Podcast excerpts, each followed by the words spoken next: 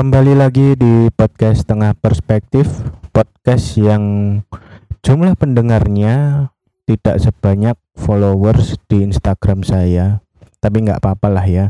Uh, di episode kali ini, aku akan membahas yang namanya toxic people, yaitu uh, orang-orang yang nggak asik kalau di kehidupan nyata.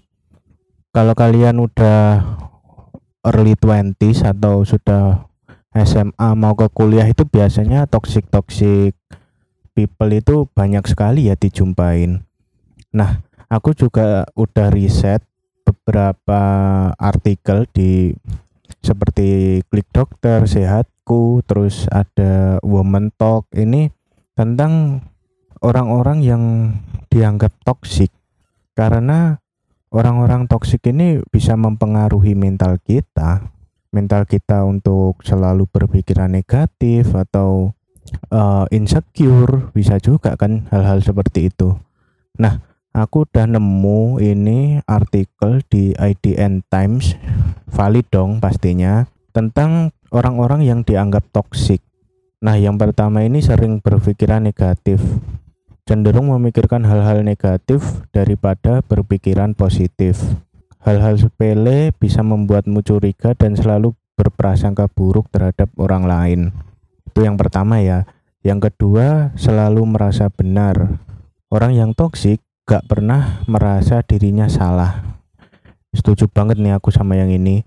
Apa pun yang kamu lakukan, kamu akan selalu merasa benar. Kamu gak akan terima jika ada orang yang mengkritik kamu dan mengatakan bahwa kamu melakukan kesalahan. Pokoknya ya gak mau disalahin lah. Kamu siapa kok ngurusin hidup aku? Hidup aku loh udah bener.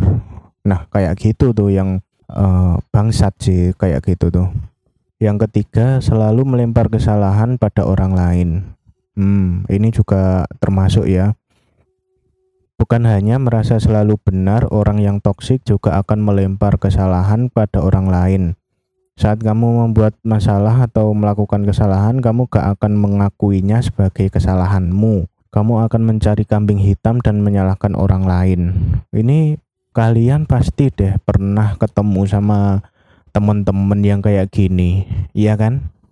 Yang keempat, membicarakan keburukan teman di belakang. Nah, ini kelihatannya yang paling ultimate deh pada semuanya ya. Ini ada lima ini yang keempat ini yang paling ultimate karena kita kan sebagai makhluk sosial ya yang harus berkomunikasi dengan orang lain dan kita membutuhkan bantuan orang lain.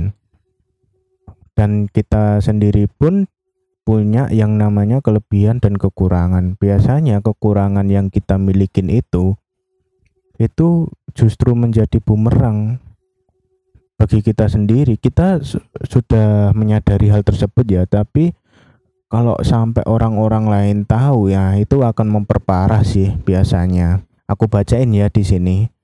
Kamu selalu bersikap baik dan bermulut manis di depan temanmu. Kamu juga mendengarkan curhatannya dengan baik bahkan mungkin memberikan petuah.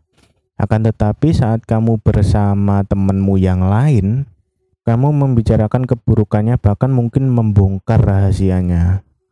Nah, ini benar-benar toksik sih. Biasanya uh, ya ada beberapa yang cowok itu ya kayak gini itu yang bukan 100% cowok sih kalau menurutku. Tapi kebanyakan kan ini kasusnya kan dialamin oleh wanita ya biasanya, oleh cewek. Cewek itu selalu uh, apa namanya dicap sebagai ratu gosip, ratu gibah itu kan cewek semua.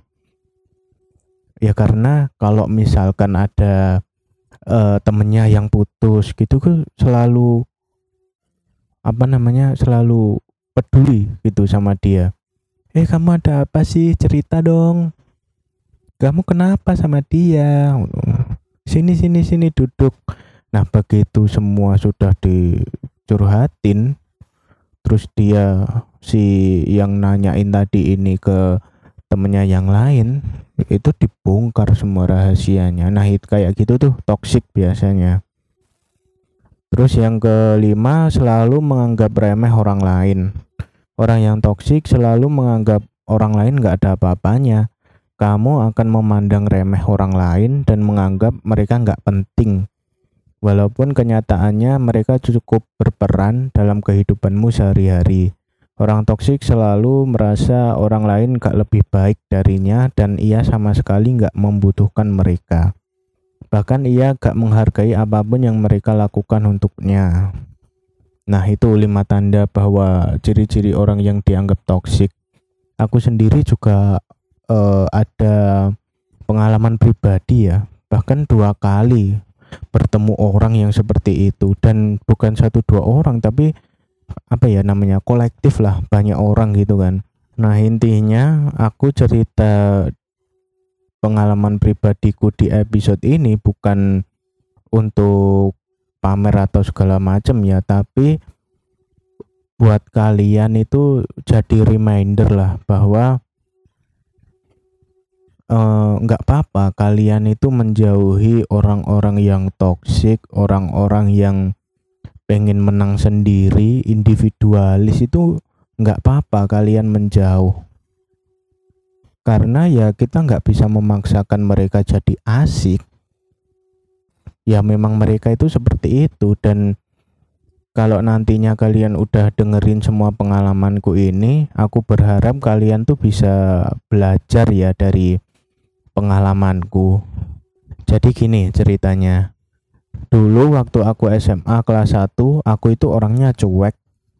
Ya ya pokoknya sekolah-sekolah gitu deh.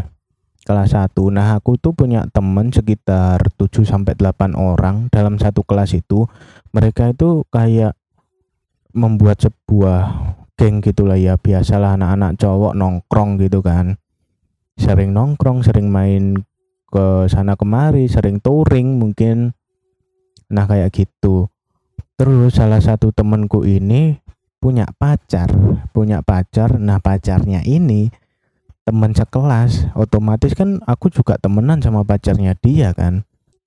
Kan nggak mungkin aku nggak temenan sama dia. Pasti kan aku juga temenan gitu.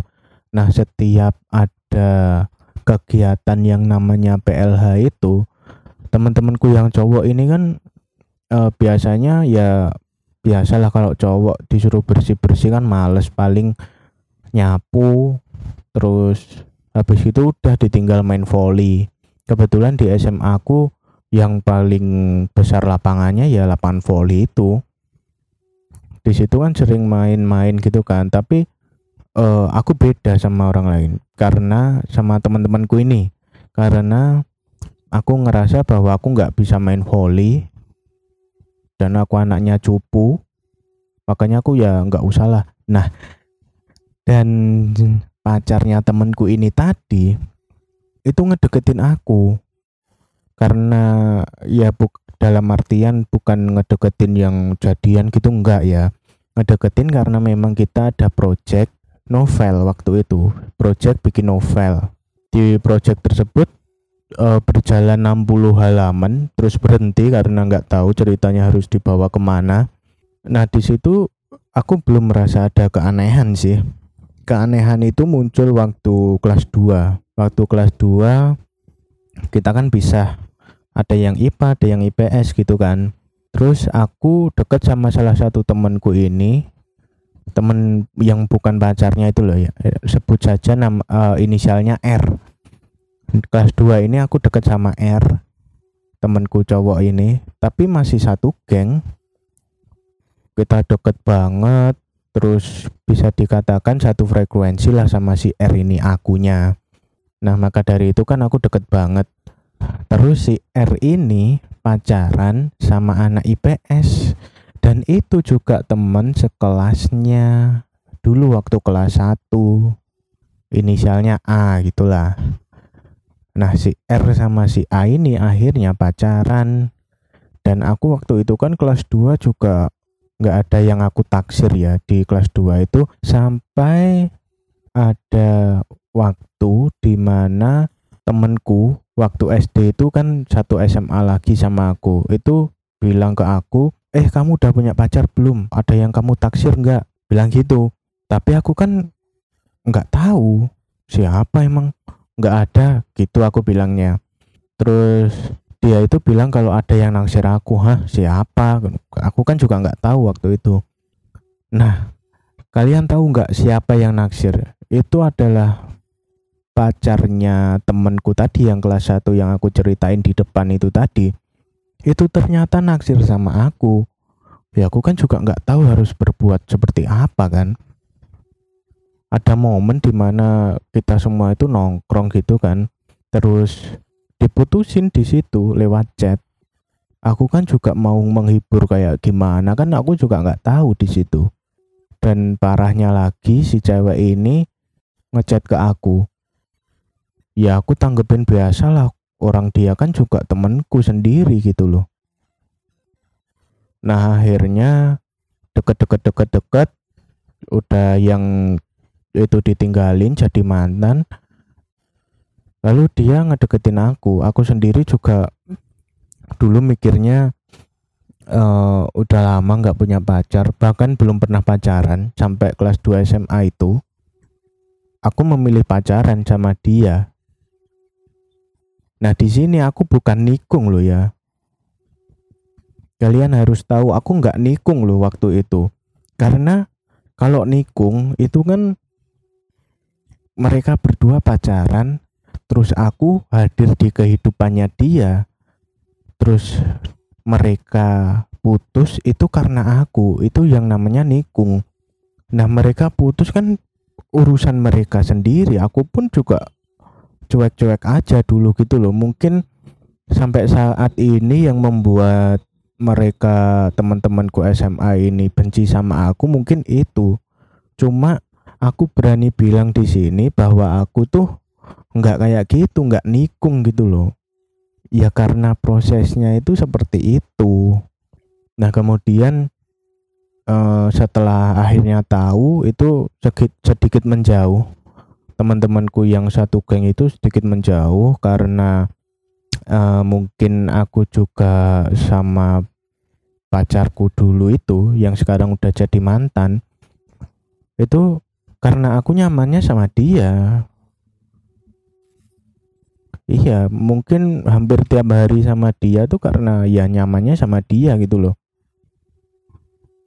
Tapi teman-temanku itu ngira kalau aku itu nikung ya temanku ini tadi yang inisialnya S nikung si S ini tadi Padahal enggak, padahal udah putus baik-baik mereka berdua dan memilih sama aku. Kalau kalian ngerasa aku tega sama uh, sama teman sendiri, ya kalian salah. Karena kan setiap orang kan punya pilihannya masing-masing kan. Ya harusnya bisa menerima lah itu meskipun awalnya belum bisa ya, tapi uh, nggak sampai selama ini. Bahkan ini sudah lulus kuliah mungkin sudah bekerja tapi dendam itu tuh masih ada gitu loh. Buat apa? Toh semuanya itu juga udah selesai. Aku sudah nggak pacaran sama uh, mantanmu itu gitu loh jadi uh, di SMA itu bertemu dengan teman-teman seperti itu. Namun akhirnya ada beberapa yang nggak semuanya aku masuk lagi ke geng itu enggak sih. Cuma ada beberapa kalau uh, butuh sesuatu itu juga ngobrol biasa. Tapi enggak kolektif banyak anak terus satu geng itu aku masuk ke situ enggak sih udahan. Tapi kalau ada uh, apa namanya urusan kalau ada sesuatu gitu ya baru ngobrol. Inti dari ceritaku yang SMA ini tadi kan eh, apa ya namanya intinya adalah prioritas sih. Iya setiap orang kan punya prioritas masing-masing gitu kan. Nah sama satu lagi nih sama satu lagi waktu aku kuliah karena aku kuliah di Surabaya hmm, di kota besar aku sendiri juga awalnya sempat kaget ya sama uh, teman-teman yang ada di sana. Apalagi kan aku sekolah di sekolah swasta perguruan tinggi swasta lah PTS di situ aku mendapati teman-temanku itu buliannya itu lebih parah daripada yang ada di SMA dulu. Parah men. Terus aku ngira apa orang-orang di kota besar tuh gini-gini semua ya. Ternyata emang track record atau rekam jejaknya mereka itu memang udah nggak jelas dari awal gitu loh. Mereka-mereka sekolah di sekolah swasta di kota besar itu juga apa ya namanya yang nggak jelas lah. Dari orang-orang yang nggak jelas itu tadi mereka tuh bully apa ya? Bully teman sekelasku yang hitam gendut. Mereka bully. Tapi jujur ya aku sempat kayak gitu juga sih. Karena aku menyesuaikan kalau mereka suka membuli aku juga ikutan bully. Itu waktu semester 1 2 itu kayak gitu tuh masian. Nah waktu semester 3 kan aku putus sama pacarku yang SMA itu kan mantanku sekarang itu itu uh, mereka itu ya menghiburku. Ada dua orang nih si I sama si AJ nah si I ini sama si AJ ini ngehibur aku. Ngehibur aku waktu ya mungkin putus itu ya diajak main PS gitulah. Uh, apakah mereka orang-orang yang dianggap toksik dalam konteks ini aku ya yang menganggap toksik itu nanti dulu. Mereka kayak gitu tuh memang ya suportif lah. Ngelihat temennya kesusahan itu suportif. Awalnya awalnya seperti itu. Nah uh, si I ini orangnya itu pinter. Pinter sama cerdas kan beda ya. Kalau pinter itu pinter yang bisa saja positif bisa saja negatif. Tapi yang I ini cenderung pinternya pinter memanfaatkan situasi. Kalau si AJ ini enggak enggak dia lebih ya biasa-biasa aja lah. Kalau si I ini pinter di akademik dia itu uh, pengen menonjol sendiri orangnya. Ya itu kita bahas nantilah ya si I ini. Nah, terus yang ke uh, selanjutnya, yang selanjutnya itu waktu semester 5, waktu KKN. Kita satu prodi itu KKN di ya di Surabaya, tapi Surabaya pinggir gitu. Di sana KKN selama satu bulan. Ada satu momen di mana uh, teman-temanku itu si I, si AC, terus yang lain sebagainya itu jadi ketua di kelompoknya masing-masing. Aku pun juga gitu, aku pun juga jadi ketua di situ. Uh, kita sempat ada beberapa konflik tapi biasa aja. Nah puncaknya itu waktu uh, aku sama si AC ini nggak satu visi. Waktu apa ya? Ya waktu ngadain program lah itu enggak satu visi di situ nah yang paling aku sebel itu ketika ada acara penyuluhan kalau nggak salah itu. Di situ kan semuanya satu nggak satu kelompok sih. Empat kelompok kan jadi satu tuh. Gotong royong.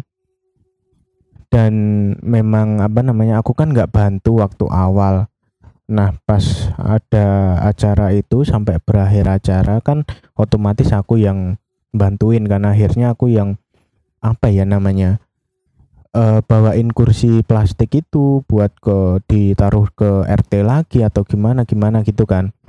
Dan di situ posisinya aku udah punya pacar ya. Pacarku di di RT lain. Ya di apa namanya kelurahan atau kecamatan lain gitu pokoknya tapi masih dalam satu lingkup itu yang nggak jauh-jauh nggak jauh-jauh amat lah. Nah masalahnya si AJ ini tadi dia itu ngelihat pacarku itu boncengan sama cowok lain. Nah biasanya yang kayak gini kan uh, bisa men-trigger seseorang kan. Apalagi kalau orangnya itu pencemburu dan segala macem gitu kan. Nah si AJ ini kan udah tahu tuh posisinya tuh kayak gitu. Terus uh, waktu itu kan aku udah capek karena ya bawa bawain barang sound system segala macem kan. Itu kan dalam keadaan udah capek ya. Nah si AJ ini mungkin maksudnya dia mau uh, guyon istilahnya itu mau bercanda lah. Bercanda tapi dia nggak lihat situasi waktu itu. Dia bilang gini eh Dwik aku tadi lihat pacarmu boncengan sama cowok lain. Di saat keadaanku lagi capek kalau kalian yang digituin gimana rasanya coba? Marah nggak kalian? Maksudku itu boleh kalian bercanda itu boleh tapi ya lihat-lihat situasi lah. Yang nggak bisa dipukul rata kayak gitu tapi aku nggak uh, nggak ngerespon sih karena di situ juga gerimis dan aku juga pengen cepat-cepat pulang. Jadi aku nggak nggak seberapa ngerespon. Nah di situ aku konfirmasi ke pacarku kalau ternyata dia itu ya memang dibonceng karena bawain tanaman gitu loh. Bukan ada hal-hal yang lain. Di situ aku bisa nerima sih. Cuma aku masih belum bisa nerima sama guyonannya si Aji ini tadi. Karena menurutku parah men kayak gitu. Kalau menurut kalian aku baper orangnya ya monggo itu kan hak kalian pendapat kalian. Tapi kalau aku ngiranya sih gitu sih. Nah akhirnya di semester-semester berikutnya setelah KKN itu aku memutuskan untuk agak menjauh lah dari mereka semua. Ada berapa ya? Satu, dua, tiga, empat, lima, ya ada sekitar enaman lah. Enam anak itu gitu semua. Dan yang paling aku benci dari mereka itu adalah uh, gosip sih anaknya. Iya, mereka semua itu hobi gosip padahal itu cowok loh jadi kalau misalkan uh, siapa ya aku misalkan ya deket sama orang lain padahal aku udah punya pacar itu mereka cie-ciein. Padahal kan aku juga butuh sama dia karena mungkin habis KKN ada laporan atau mungkin uh, setelah itu kan ada praktek praktek itu pun juga kita kan nyusun laporan kelompok-kelompokan lagi itu dicie-ciein sama mereka. Yang membuat aku makin panas tuh gitu. Cuma aku kan nggak sampai yang kayak gimana gimana ya. Ya udah deh. Aku cukup tahu kalau mereka itu toxic gitu. Waktu ya KKN itu sih awal mulanya.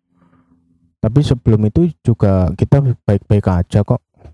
Ya temenan biasa. Cuma sehabis KKN itu yang agak gimana gitu ya aku nganggap sih mereka toksik jadi aku agak menjauh terus apa namanya udah nggak sama mereka mereka lagi. Akhirnya ya pelarianku ya sama cewekku aja sama pacarku itu aja. Karena dia yang membuat aku nyaman kok. Dia bisa nerima isi pikiranku. Dan mereka nggak bisa nerima kayak gitu. Kadang aku tuh cuma dianggap remeh lah sama mereka sama yang aku sebutin tadi ya lima tandanya itu tadi. Dianggap remeh aku itu. Makanya ya udah deh aku agak menjauh aja. Nah balik lagi ya yang aku ceritain tadi si I ini si I ini orangnya pinter. Pintar memanfaatkan situasi. Dia menonjol. Di kelas itu dia sering uh, jawabin pertanyaan-pertanyaan dosen terus ya pokoknya teman-teman sekitarnya itu nganggap dia itu superior lah kadang dijadiin tameng buat teman-temannya yang nggak bisa jawab pertanyaan dari dosen itu dia dijadiin tameng buat bisa jawab gitu nah mungkin lingkungan ini yang mendukung dia jadi seperti itu. Lingkungan itu mendukung banget gitu loh. Akhirnya dia menjadi apa namanya? Songong istilahnya. Pernah ya satu waktu itu uh, kan ada tugas tuh diketik di Word. Nah, kan kita kan nggak tahu contohnya kan contoh yang benar tuh kayak gimana karena harus ACC ke dosen juga kan waktu itu nah si I ini udah selesai duluan udah di ACC dan ini yang benar otomatis kan teman-teman yang lain kan juga pengen lihat kan juga pengen lihat hasil kerjanya dia itu kayak gimana. Bukan buat untuk dijiplak. Tapi kita itu cuma lihat gitu loh oh gini yang benar nanti kita bikin dengan cara kita sendiri tapi nggak buat si I ini. Jadi dia ngetik di Word udah selesai dikirim filenya ke grup WhatsApp waktu itu. Udah dikirim dan kalian tahu nggak apa yang terjadi si I ini ngelok file Word-nya. Di lock jadi kita nggak bisa mau kopas gitu nggak bisa. Di lock sama dia. Bangsat nggak kayak gitu? Kalau menurutku sih bangsat to the max ya gitu karena udah udah nggak ada obat lagi orang-orang kayak gitu tuh. Maksudku kalau kamu niat nolong temenmu itu ya jangan kayak gitulah aku tahu kok kamu tuh pinter. Kamu itu bisa mata kuliah segala apa pun tuh kamu bisa. Cuma ya jangan kayak gitulah. Kalau menurutku tuh dia ngerendahin teman-temannya yang lain loh. Serius. Ya mungkin maksud dia ya biar orang lain itu mikir jangan cuma kopas. Iya aku tahu. Tapi ya jangan sampai di lock juga dong ketahuan kalau gitu. Ketahuan bangsatnya emang.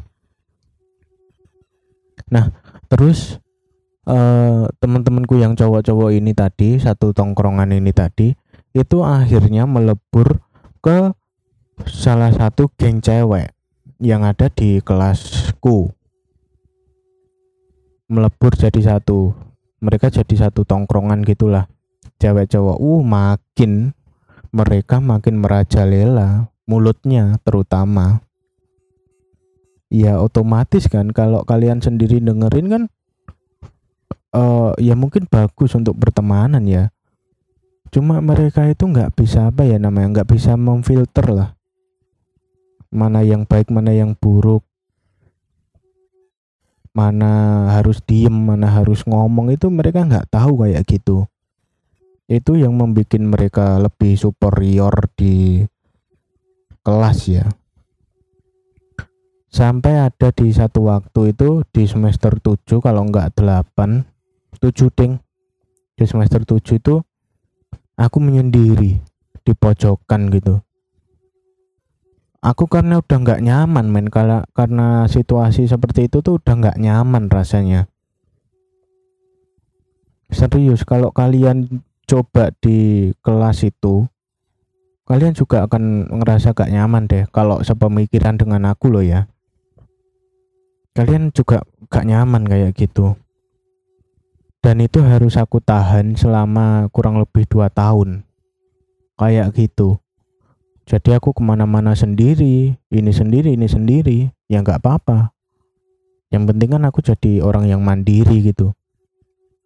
Nggak menggantungkan orang lain dan akhirnya kan namanya orang kan ada yang ada yang mungkin uh, pinter kayak si I ada yang kemampuannya itu ya standar lah rata-rata gitu kan. Kan kita menghadapi skripsi tuh di semester 8 yang si I ini tadi juga lebih apa namanya oh lebih melejit lagi dia udah nggak peduli teman-temannya ditinggal teman-temannya. Kalian pasti punya deh teman kayak gini. Ngerjain tugas tuh yang cepet banget. Nggak peduli temennya udah selesai atau belum yang penting aku selesai. Yang penting tujuanku udah tercapai udah. Nah pengen menang sendiri selalu bener. Gak bisa disalahin. Udah sesuai dengan ciri-ciri yang ada di IDN Times tadi dan akhirnya teman-teman yang mempunyai uh, apa namanya kemampuan yang standar yang rata-rata itu tadi ya mau ke mana lagi? Larinya ya ke si itu tadi. Aku dari jauh cuma ngeliatin aja. Mana sekarang I yang kamu bangga-banggakan itu mana? Karena kita nggak selamanya bisa bergantung sama orang men. Kita harus punya pemikiran sendiri. Ya mungkin uh, apa namanya temen itu ngasih kerangkanya doang. Jadi selebihnya ya kita yang harus nentuin gitu loh jangan berpangku tangan. Sama kayak saat ini kan teman dekatku itu si Argo itu dulu waktu SMA kelas 2 kelas 3 aku dekat sama Argo. Enggak. Dekat karena uh, waktu kuliah tuh sih. Waktu kuliah kuliah di Surabaya juga. Kan teman-teman pada lari ke barat ya kayak Solo Jogja gitu kan.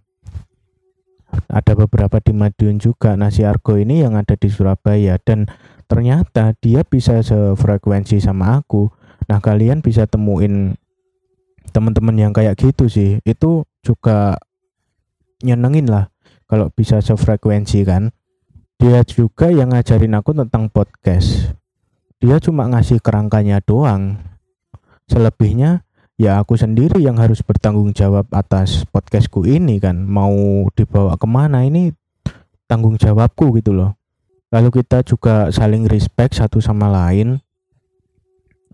Kalau ada kekurangan ya diomongin aja gitu loh. Nggak usah diomongin ke orang lain membongkar-bongkar rahasia itu bukan saatnya lagi deh kayak gitu.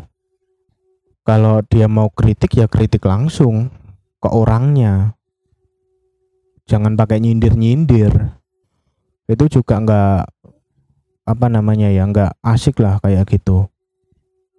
Nah jadi dari pengalamanku ini tadi ketemu dengan teman-teman yang toksik aku bahkan saya sekarang uh, ya nggak ada punya temen yang deket banget itu nggak ada. Karena ya itu tadi teman-temanku toksik semua.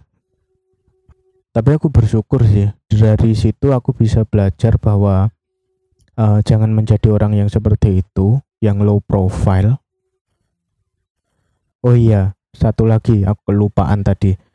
Di kuliah ini juga masalah prioritas lagi ya karena aku juga uh, sama pacarku terus ke mana-mana karena itu yang membuat aku nyaman gitu loh mereka nggak bisa membuat aku nyaman masalah prioritas dan kalian juga pasti pernah dengar yang namanya uh, temen datang waktu dibutuhkan aja. Nah itu,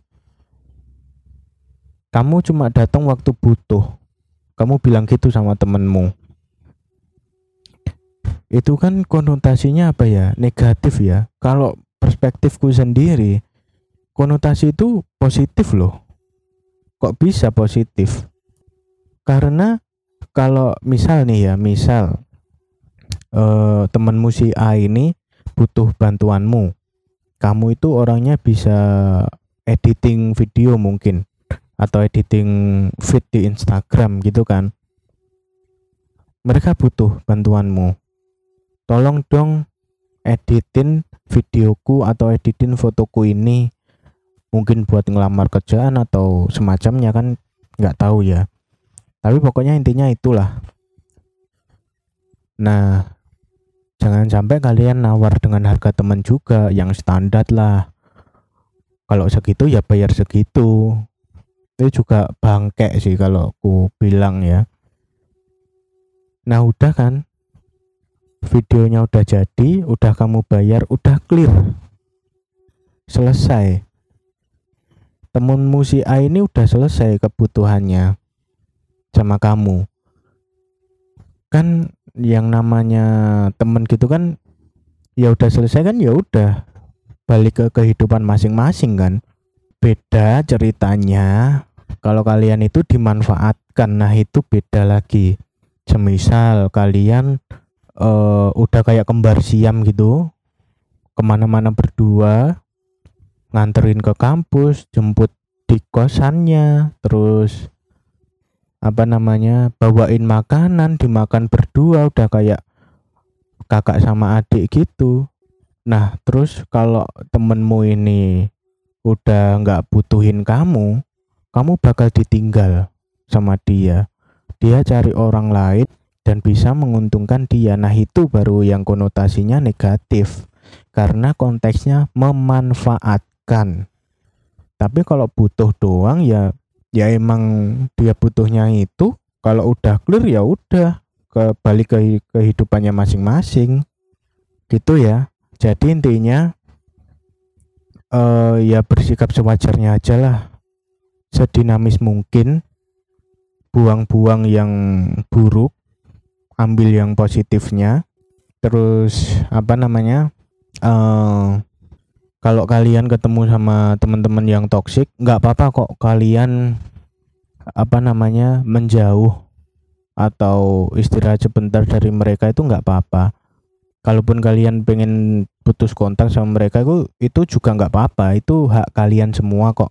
Gitu ya. Jadi kalau kalian dengerin ini sampai habis atau kalian punya perspektif sendiri ya silahkan hubungin aku di Instagram atau di Twitter juga bisa. Berikan perspektif kalian kalau kalian punya teman-teman yang toksik kayak gini itu. Mungkin perspektif kalian juga berbeda dari perspektifku karena semua orang punya perspektifnya sendiri-sendiri. Aku sangat welcome kok kalau ada yang uh, mau berbagi perspektifnya di sini. Ya oke cukup sekian episode kali ini. Sudah hampir satu SKS ini. Sampai jumpa di episode berikutnya dari podcast setengah perspektif